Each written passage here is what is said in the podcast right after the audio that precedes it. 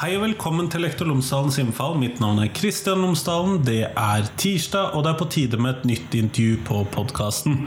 Denne gangen så snakker jeg med Elisabeth Bjørnestad. Hun er professor ved Oslo OsloMet, og hun er den som leder arbeidet med evalueringen av seksårsreformen. Den er jo selvfølgelig ikke ferdig, den har jo bare kommet i gang. Men vi snakker sammen om eh, hvor de er nå, hva de har funnet ut, eh, hvor de skal. Eh, vi må nok antagelig ha flere intervjuer om dette. Men vi snakker om seksårsreformen og evalueringen av den. Det tror jeg kan være veldig interessant.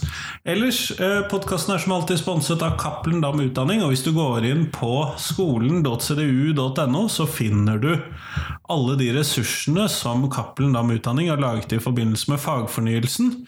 Eh, sånn at der finner du til alle fag, alle typer eh, emner, alle årstrinn, alle de tverrfaglige temaene. Alt sammen, det finner du der inne. Så kan du selvfølgelig da ta og prøve det ut. Det er mulig at arbeidsgiveren din har en avtale om eh, tilgang allerede, eller så kan du prøve en sånn prøveperiode. Adressen er altså skolen.cdu.no. Her kommer intervjuet med Elisabeth, vær så god.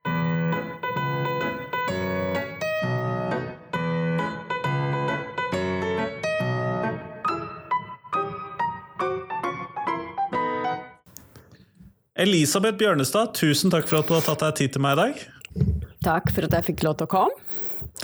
Før vi starter eh, selve intervjuet, så hadde jeg håpet at du kunne fortelle lytterne mine tre ting om deg selv, sånn at de kan få bli litt bedre kjent med deg. Jeg kan jo starte med å si at jeg er professor i barnehagepedagogikk.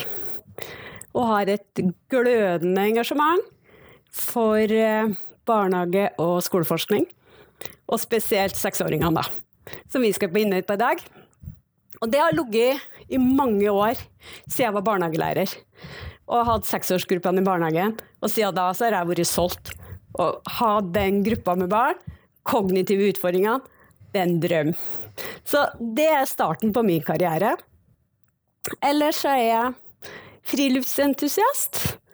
Kommer meg ut i marka så fort jeg har muligheten. Det er plassen der jeg har fri.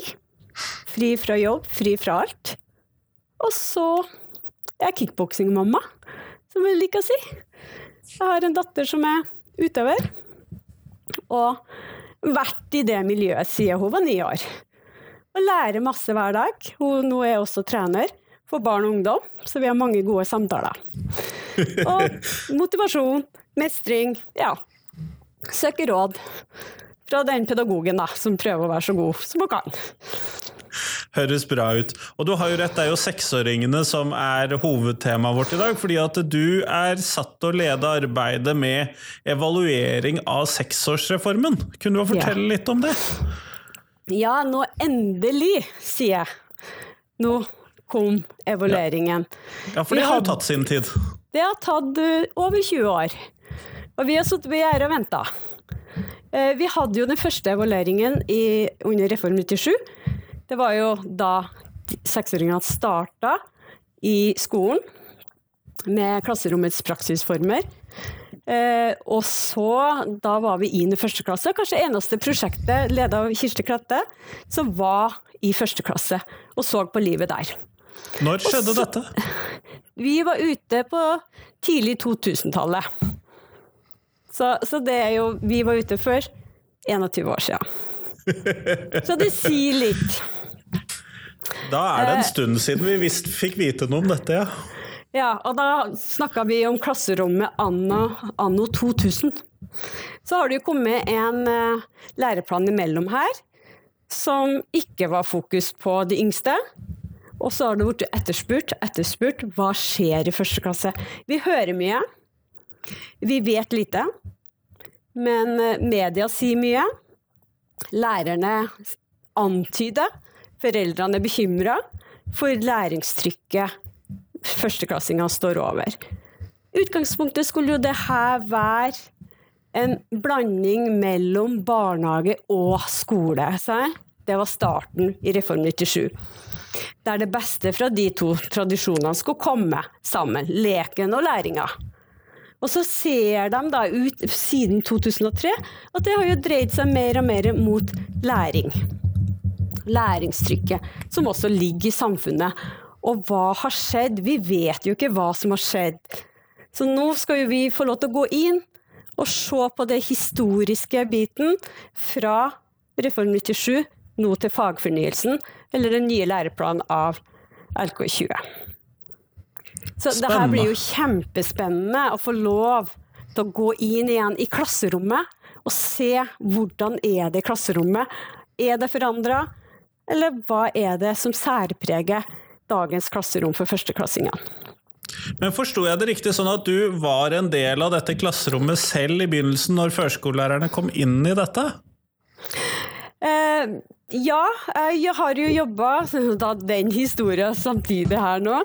Jeg har jobba som barnehagelærer, som jeg sa i starten. Mitt glødende engasjement kom jo derifra.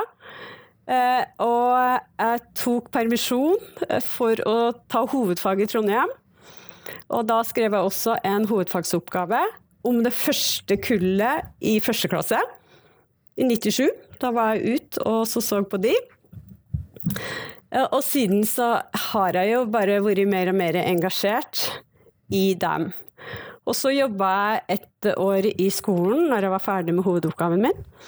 Eh, og så var jeg så heldig å få være med i starten som vitenskapelig assistent på det store evalueringsprosjektet til Kirkekrattet eh, i 2000, og så etter hvert som stipendiat. Så min doktorgradsavhandling er jo også relatert til første klasse og den dataen med komparativt med Sverige. Det høres ut som de har valgt riktig person til å lede evalueringsprosjektet. i hvert fall. Sånn, det trenger ikke du å kommentere på, men jeg syns i hvert fall det hørtes riktig ut. Ja, og vi har jo med Kirsti Klatte er jo med også, og Bente Hagtvedt er også med. som vi tre var jo med i første runde.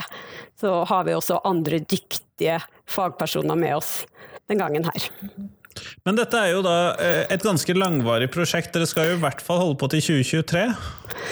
Ja, vi skal holde på til 23, og vi skulle ha vært ute nå. Men nå er det jo sånn at det er en pandemi og mye nedstengning og mye rødt og gult som har gjort at vi ikke har fått gått ut i klasserommene den våren her. Så vi har ikke fått følge Vi skulle jo følge også barn over fra barnehagen til skolen. Men eh, det sa jo en stopper av seg sjøl. Og vi brenner jo for å komme ut, og nå håper vi at høsten blir mer normalisert, og at eh, klasserommet tas tilbake som det skal være. For vi vet jo at det er så forskjellig hvordan nå klasserommene er, så vi syns at det ikke har vært rettferdig heller å gå ut nå og belyse hverdagen for de yngste elevene, ettersom de har helt ulike forutsetninger. Noen jobber jo i små kohorter, noen har ikke pandemi. Noen ja, ene skolen som vi har tenkt oss ut i, så jeg her om dagen, de er jo i karantene igjen. Så, så, så, det har vært litt feil å gjøre det her nasjonale evalueringen nå. På, så vi får vente til høsten. Og så får vi bare glede oss og vente og se hva, hva, hva gjør de. Men hva er det dere skal se på? Hva er det som liksom er fokuset når man skal gjøre en sånn evaluering? For det har jeg aldri deltatt i, må jeg innrømme. Fokuset vårt er todelt. Og så, først må jeg jo si at det har vært en stor diskusjon om det vi kaller effekten. Effektstudiet. Det kan jo ikke vi gå inn og se på hvilken effekt hadde med den senka skolestarten. Fordi de barna er jo nå voksne og ute i arbeidslivet sitt. Men det vi kan gå inn og gjøre, er jo en å beskrive hva som skjer i klasserommet i dag. Og hvilken type undervisningspraksis og aktiviteter foregår i klasserommet. Eh, hvordan klasserommene er utforma. Så vi ser på det som det vi kaller klasseromsforskning. Og, og vi ser spesifikt også på norsk og matematikk, som er to av de hovedfagene som de har mest timer på. Eh, og vi skal også intervjue barn og elever eh, om deres oppfatninger og erfaring av å være barnehagebarn som skal gå over til skolen, og førsteklasseelev og når de går over til andre klasse.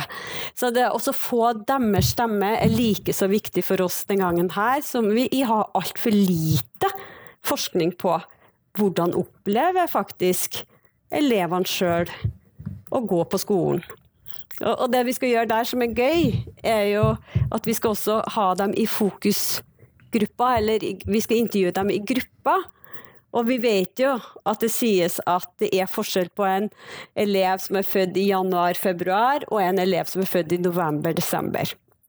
Noen er jo seks år når de starter, og noen er faktisk fem. Så vi skal også dele dem inn i dem som er er eldst og yngst, og jenter og gutter i egne grupper, for å se er det noen ulikheter i hvordan de opplever førsteklasse og skolestart. Eh, og hva er det de syns er spennende? Hva er det de syns er skummelt? Hva motiverer de? Eh, hva opplever de som de store forskjellene mellom barnehage og skole? Hva ønsker de skulle tatt med seg fra barnehagen inn i skolen? Og mye, mye mer, så klart, eh, som vi skal se på der. Så det er den ene som går på klasserommet, selve klasserommet. Og så skal du jo gjøre store spørreskjemaundersøkelser, som vi sender ut nasjonalt. Ikke til barna, da regner jeg med? Ikke til barna. Da blir det til lærerne i første klasse. Så blir det til skoleledere, og så til, til skoleeier. For å få det bildet hvordan de jobber, både med overganger, hva de legger vekt på, i, i skolen og første klasse, og hvilke undervisningspraksiser som gjør seg gjeldende. Og hvilken type lek, hvilken type undervisningsaktivitet de har i løpet av det første halvåret, året i, i, første klasse. Så det er den ene biten. Så skal vi jo belyse dette her opp imot disse politiske dokumentene og læreplanene som har vært, og samstemme det. Og så klart opp imot forskninga som har en mening om hvordan, hvordan bør det nå være for denne aldersgruppa, og hva er gode praksiser for overgangen, og hva er gode praksiser for barna i første klasse.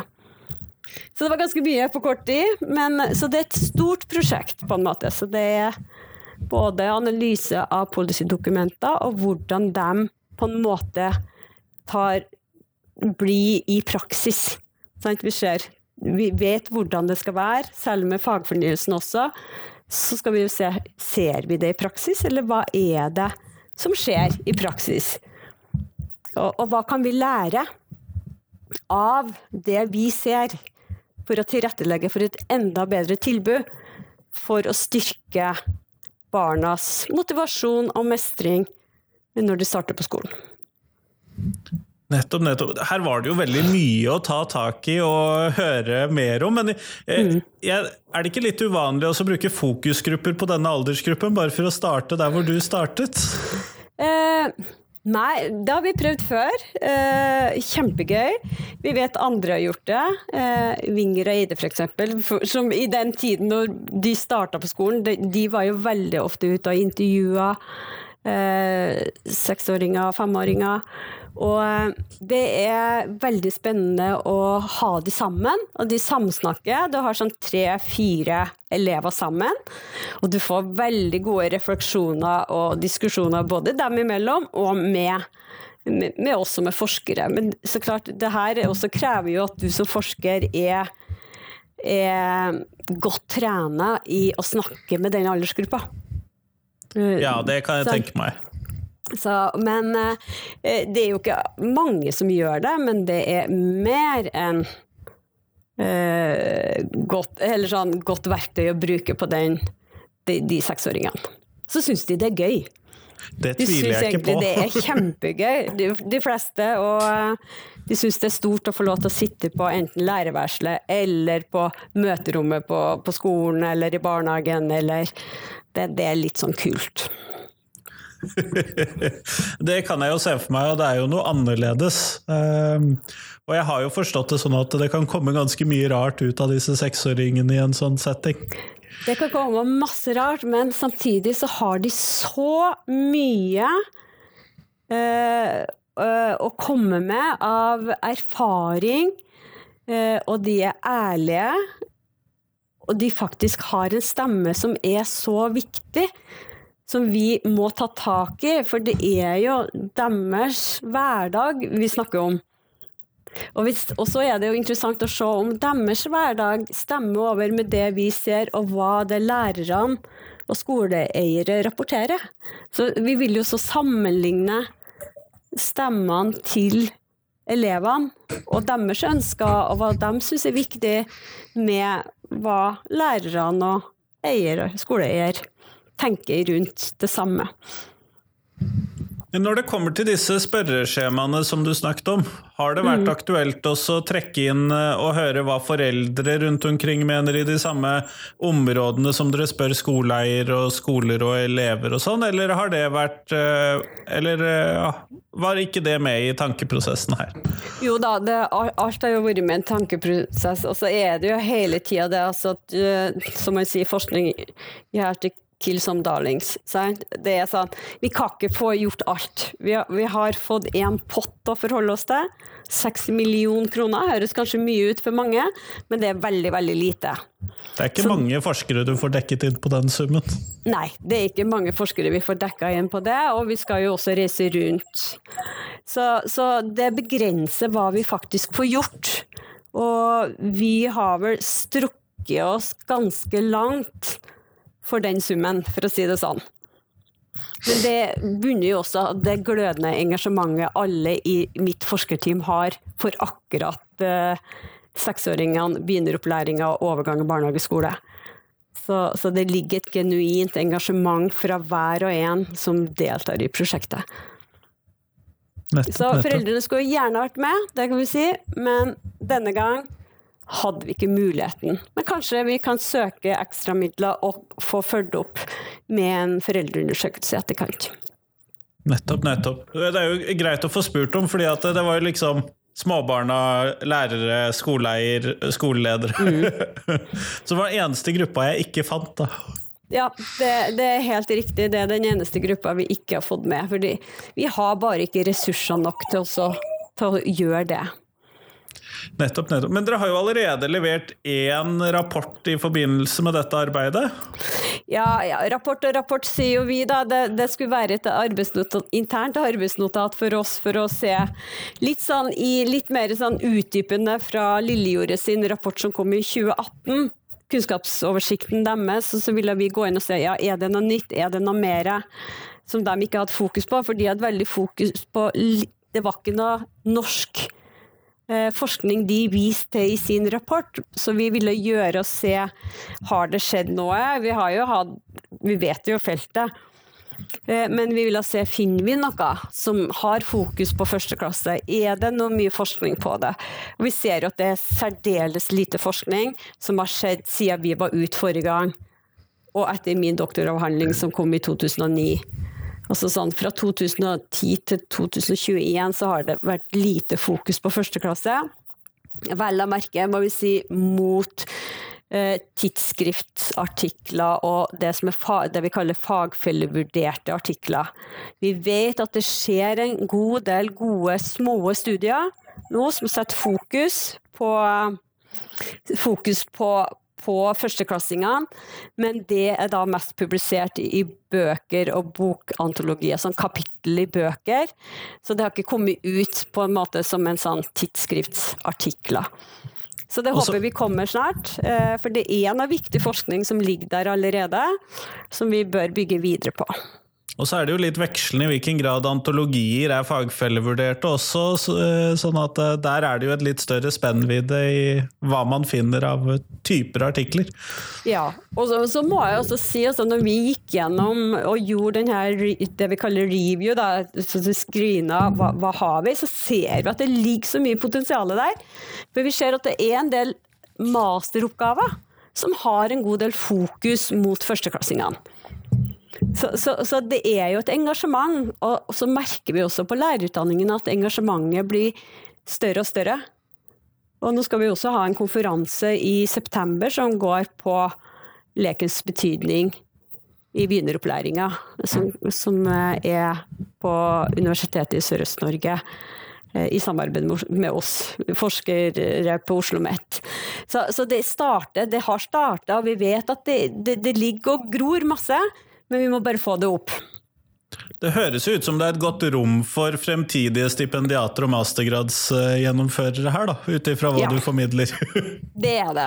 Absolutt. Og det, og det er et så viktig felt. For husk, altså, det her er de som skal opp og motiveres, og som skal ha en tiårig skolegang, og som skal starte med et veldig positivt eh, positiv eh, forståelse av hva skole er, og har lyst til å lære, lyst til å være på skolen.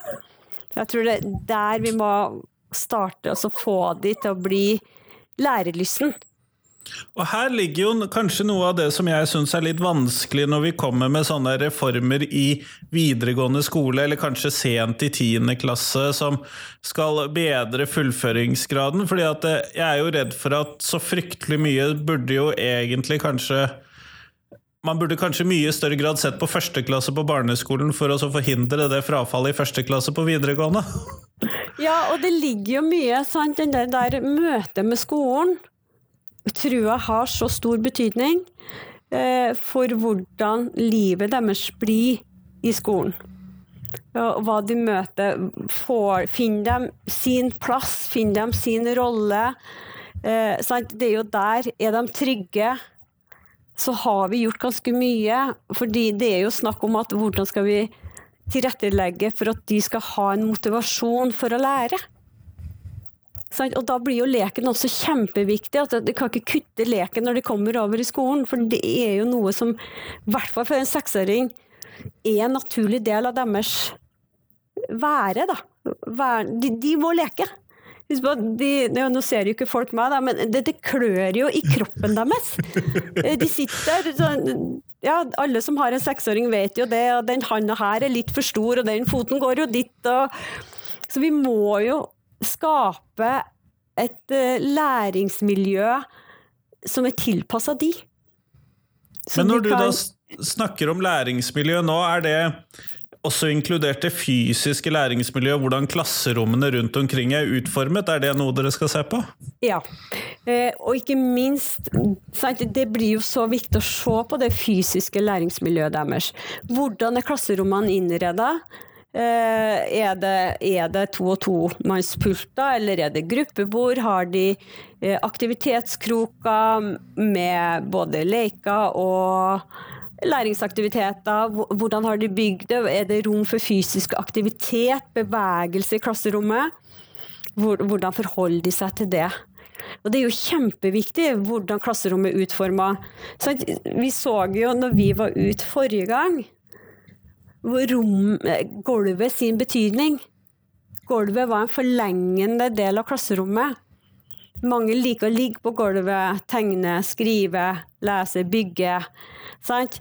Eller har det nå blitt sånn at alle barna må opp fra gulvet på en pult, sitte på en pult i 45 minutter? Det er ganske hardt, altså.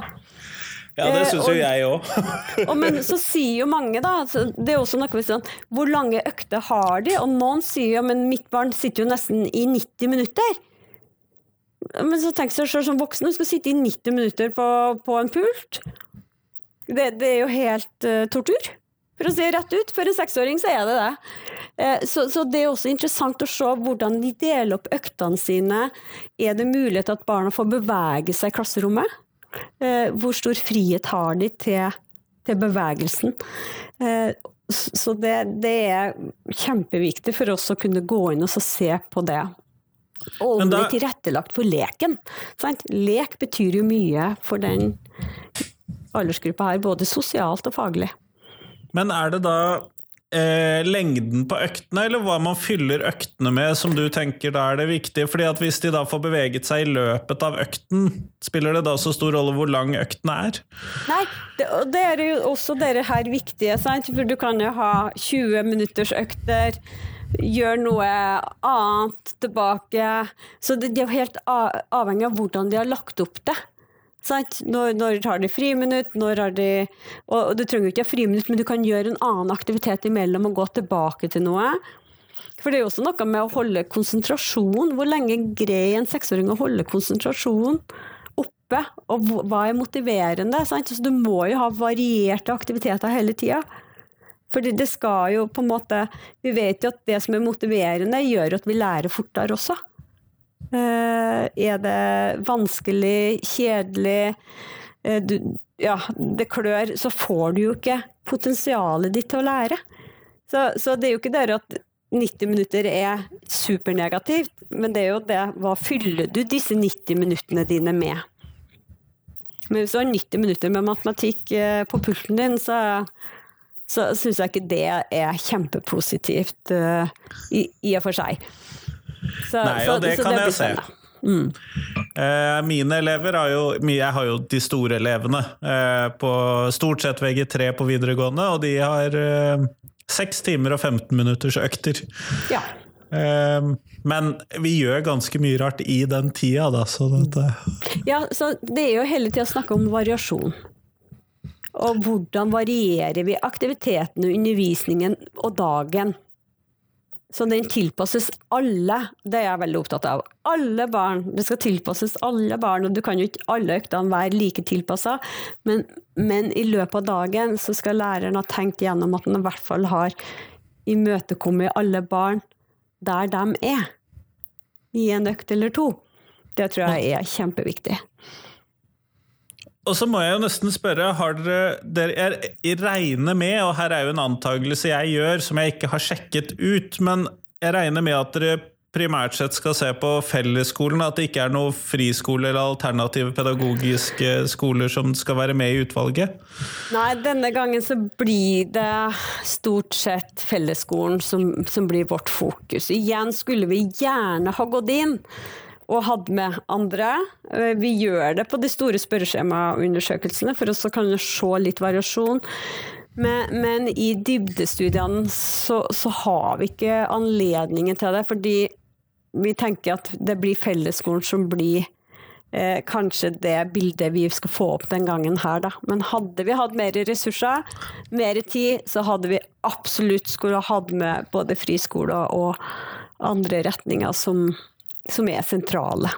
Jeg tenker jo at det er en Eller jeg tenker jo at det er hva skal vi kalle det, ganske riktig at det konsentrerer seg om fellesskolen. fordi at eh, det er jo der de fleste elevene går, og det gjør jo i hvert fall at mm. det blir litt mer ensartet, dette datamaterialet. da. Sånn litt lettere å trekke linjer. Det er det jo, men samtidig så er det Vi vet jo f.eks. både Montessori og Steinerskolen har jo en annen tilrettelegging også for, for seksåringene som har vært veldig spennende å kunne ha dratt paralleller til. Men som sagt, her er det sånn at uh, man må gi slipp på enkelte ting. Og så den gangen her så måtte vi gi slipp på foreldre og på å gå i dybden på, på andre skoletyper. Eh, dere skal jo særlig se på dette med overganger fra barnehagen til barneskolen. Det er jo en av de mest sårbare, sammen med selvfølgelig overgangen til ungdomsskolen og overgangen til videregående skole. Mm. Eh, sårbare tidspunktene i skolelivet. Eh, hvordan skal dere gjøre det? nå skal vi Først, vi skal hver følge barna Vi skal følge en gruppe med barn i barnehagen, det siste tida i barnehagen. Så vi skal observere hva gjør de i barnehagen. Eh, så klart intervjue de, hva jobber de med før skolestart? Hva, hva forberedes de på? Og så følger vi jo dem inn i skolen, så vi følger jo det her barna da inn i første klasse. Så det, de elevene får vi jo neste år, sant? Eh, i 22. Så våren ja. 22 så skal vi ut i barnehagen, og så skal vi følge de barna som da blir rekruttert, inn i første klasse. Så skal vi følge dem i første klasse. Og da har vi jo det vi kalte fokusgruppe, eller gruppeintervjuene med, med, barna i barnehagen før de starter i skolen. Og så har vi jo nytt intervju med dem når det har gått i skolen ca. etter høstferien. Eh, sånn rundt oktober-november. For å høre hvordan har nå det her vært, og hva, hva er det de opplever. Hva har de opplevd den første tida på skolen? Eh, og det blir kjempeviktig å få de stemmene. Og vi har jo forskning som vi viser i rapporten også, på hva barna eh, er opptatt av. Sant? Barnehagen er opptatt av vennskap og relasjoner. og de vet at de skal over til noe nytt, og de gleder seg til å komme over til noe nytt, og de vet at skole er noe annet enn barnehage, og de har forventninger til at det skal være læring i skolen. Men de er veldig, veldig stressa og redd for at de ikke skal mestre. Barna, altså? Barna er redd for at de ikke skal mestre det her læringspresset. Eh, og det viser jo en studie der eh, ei som heter Enarsdotter, har fulgt islandske barn. Og da kommer det tydelig fram det at de gleder seg, og de er opptatt av vennskapet i skolen og i barnehagen. Men de vet og de ønsker å lære, men er litt sånn redd for at de ikke skal mestre de kravene som stilles. Klarer jeg dette matematikkfaget? Klarer jeg dette å lære å skrive og lese? Mm. Mm. Og der ser vi jo det er blitt økt press i Norge også. Alle skal kunne alle bokstavene eller skrive før, før jul, og det er noe sånn Et trykk som, som, vi hører at det er i skolen, vi vet jo ikke helt, men vi hører igjen det her læringstrykket som starter så tidlig. Og da blir det vi er opptatt av hva fokuserer læreren på når de starter skoleåret. Eh, er det det sosiale, få på plass sosiale og vennskap? trygghet, eller er det læring som startes med en gang? Sant? Og hvordan starter de læringen? Så læring skal de jo. Det, det, er jo noe vi vet og vi må, fordi det står i læreplanen.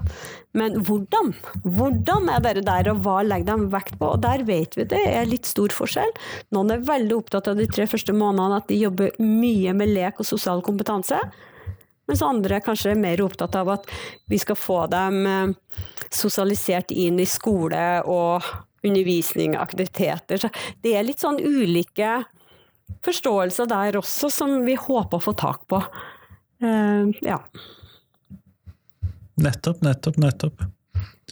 Og dette dette for, denne forskjellen da, i fokus på å gjøre de skoleklare, eller fokusere på lek og bygge det sosiale, mm det vil jo potensielt kunne gi veldig store forskjeller for disse barna det gjelder, da, som står i dette. Mm. Og det er jo noe av det vi ønsker å finne, disse gode praksisene som, som, som alle kan på en måte benytte etterpå. Altså få skrive de gode praksishistoriene.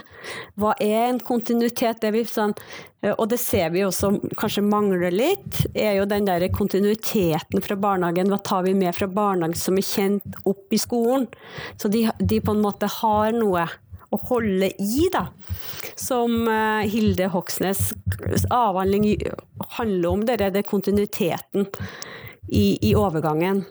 Og, og, hvordan jobber skoleeiere eh, med den kontinuiteten? Og er det noe felles? Kjen, hva kjenner de igjen?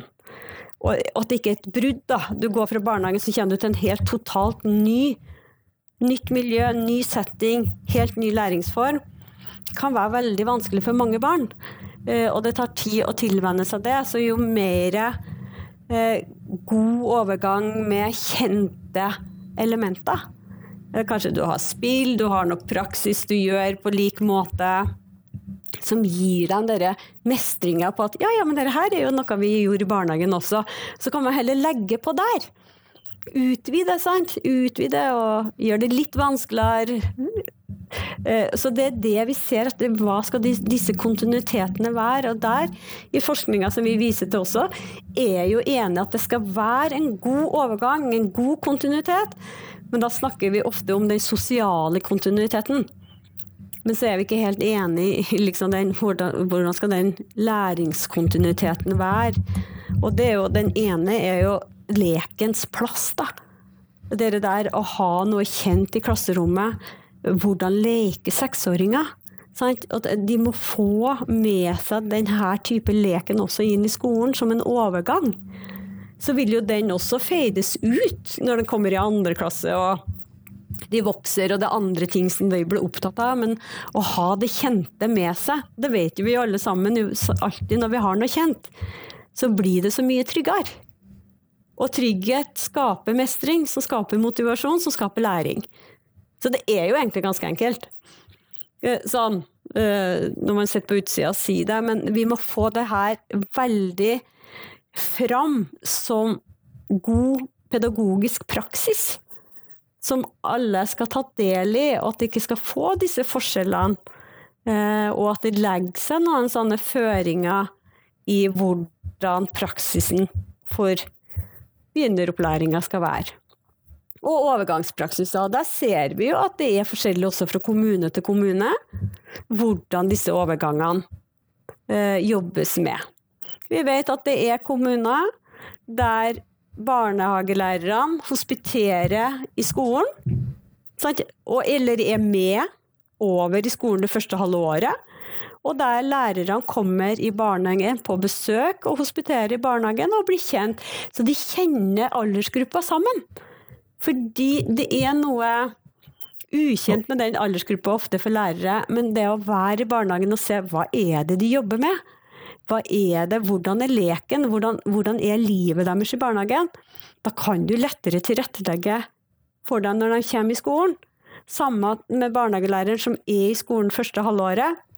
Vet også litt sånn hva er det det kreves? Men så må vi også være veldig forsiktige at ikke dette her skal bli sånn akademisert og skolsk.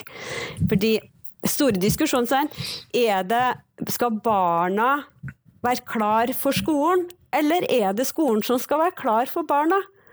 Og jeg heller vel litt mer til at det er skolen som skal være klar for barna, den aldersgruppa som kommer over. Og, og barnehage skal være barnehage. Og vi skal styrke dem sosialt, og vi skal styrke barna til å gå over. Men vi skal ikke være den som skal levere ferdig en ferdig elev som skal starte å lære bokstaven i første, første uka når de kommer over sier pedagogen Bjørnestad. eh, som er veldig opptatt av det her. Så det er noe med dette her altså at eh, så klart vi skal, skal også gjøre de klar for skole.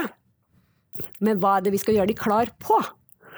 er noe annet enn at de skal være skoleklar faglig.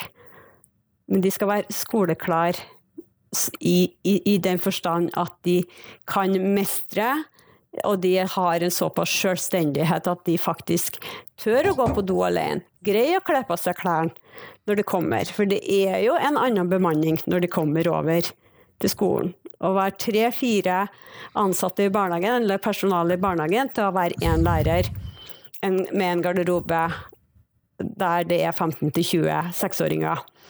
som Det gir en forskjell? Det gir en stor forskjell, og det tror jeg er kjempeviktig at barnehagen jobber med. For det er noe Når du ikke har rukket å kle på deg før de andre kommer inn, så har du jo ikke fått noe friminutt.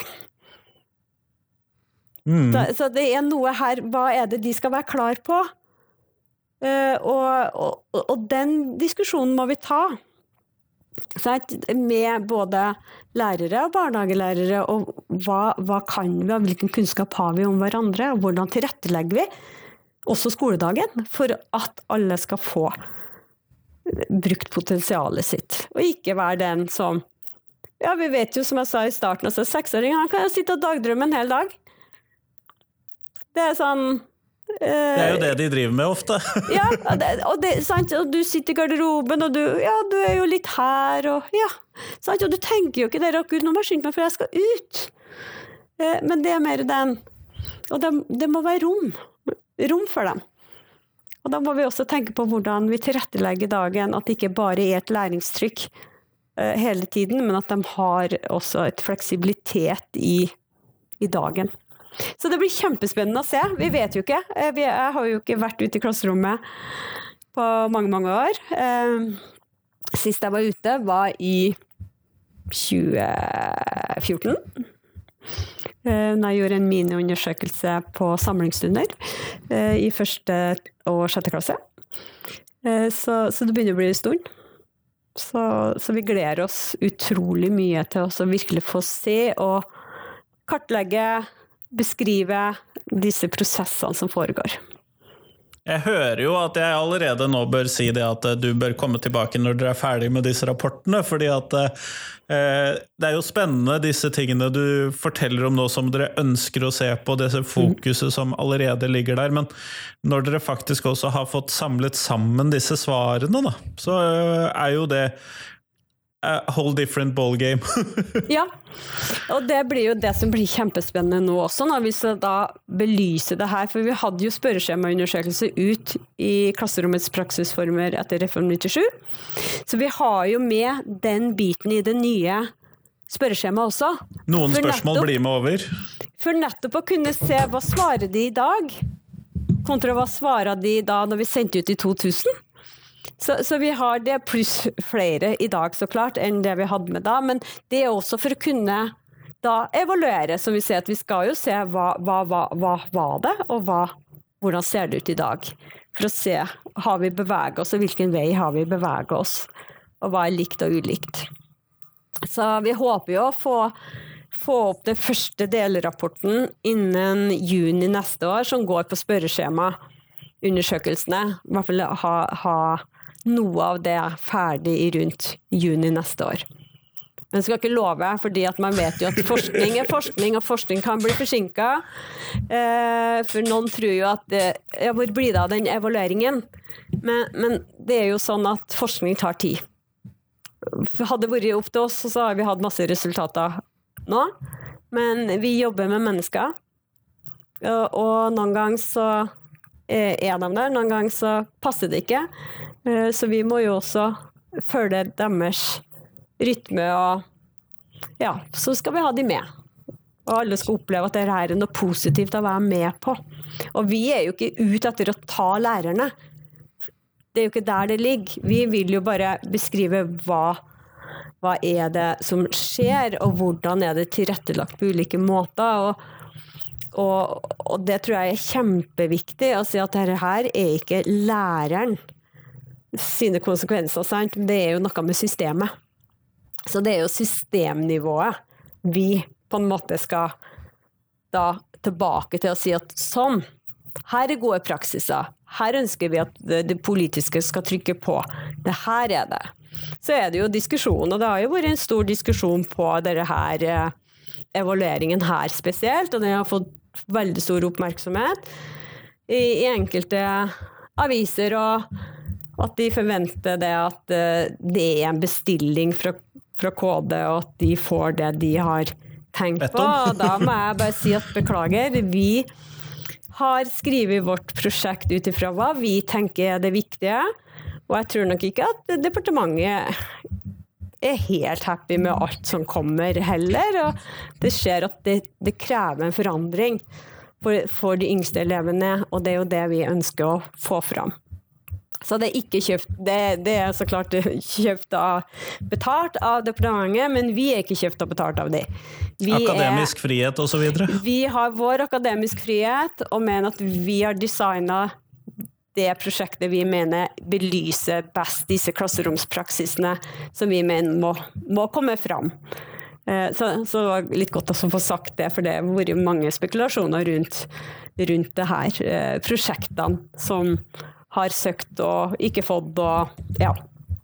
Men eh, det er Og vi er helt politisk uavhengig. Det er jeg veldig opptatt av at forskning er ikke politikk. Fra en akademiker. Det er forskninga som står og det er jo et viktig prinsipp, eh, og det er jo eh, viktig at vi tar med oss når vi skal vurdere denne typen prosjekter, eller gå inn i denne typen prosjekter, og det er jeg mm. glad for at du understreker. Men vi går mot slutten av podkastintervjuet. Ja. Eh, jeg har mange flere spørsmål til deg etter rapport to og tre, tror jeg. Det er, tror jeg, og sluttrapport. Eh, så da får jeg komme tilbake med det. Men nå skal jeg spørre deg om hva er de viktigste tre tingene som skolen lærer elevene, som er det faste spørsmålet mitt for tiden? Ja, og da har jeg sittet og tenkt, da. Jeg har jo egentlig kommet veldig mye inn på det, men er, er kanskje det viktigste du skal lære, eh, er og én, det er ikke læring, men å øke hvert barn sin sjøltillit. Styrke sjøltilliten til, til, barna og lære dem mestring og mestringsfølelse.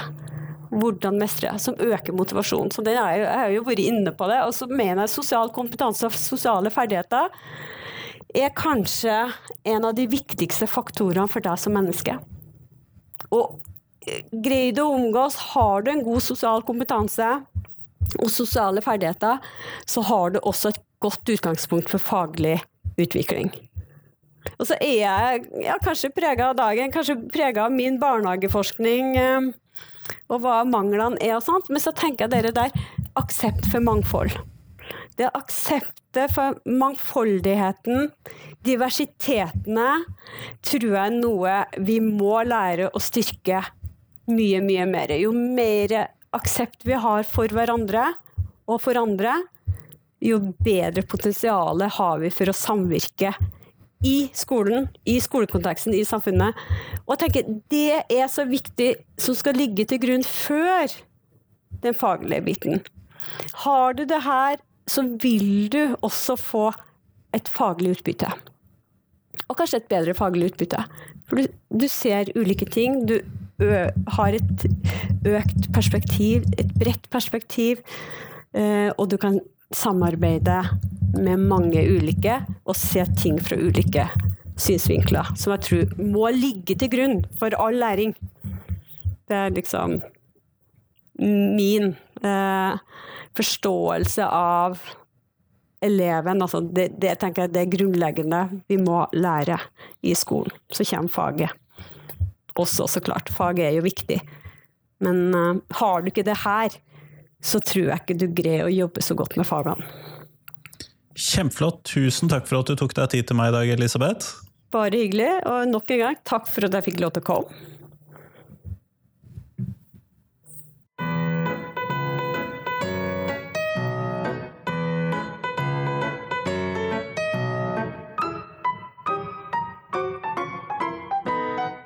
Tusen takk til Elisabeth, og tusen takk til deg som hørte på. Nå er det fram til fredag, så kommer det en ny episode på podkasten.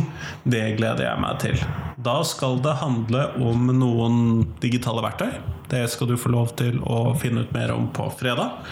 Eh, I mellomtiden, send meg tips! Send meg tips om tema, send meg tips om mennesker. Har du lyst til å bli intervjuet på podkasten min? Jeg finner utrolig mange interessante historier der ute. Men jeg vil høre det du er interessert i. Fordi at jeg har jo min begrensede virkelighet og de problemstillingene som dukker opp for min del. Men hva er det som er viktig for deg? Hva er det du mener at vi andre trenger å høre om? Hva er det du vil fortelle om? Hva er det alle lærere der ute bør vite om? I det hele tatt. Sånn at Send meg en lyd! Gi meg en lyd, heter det vel. Fortell meg hva du vil høre mer om. Og så ha en god dag videre. Hei, hei.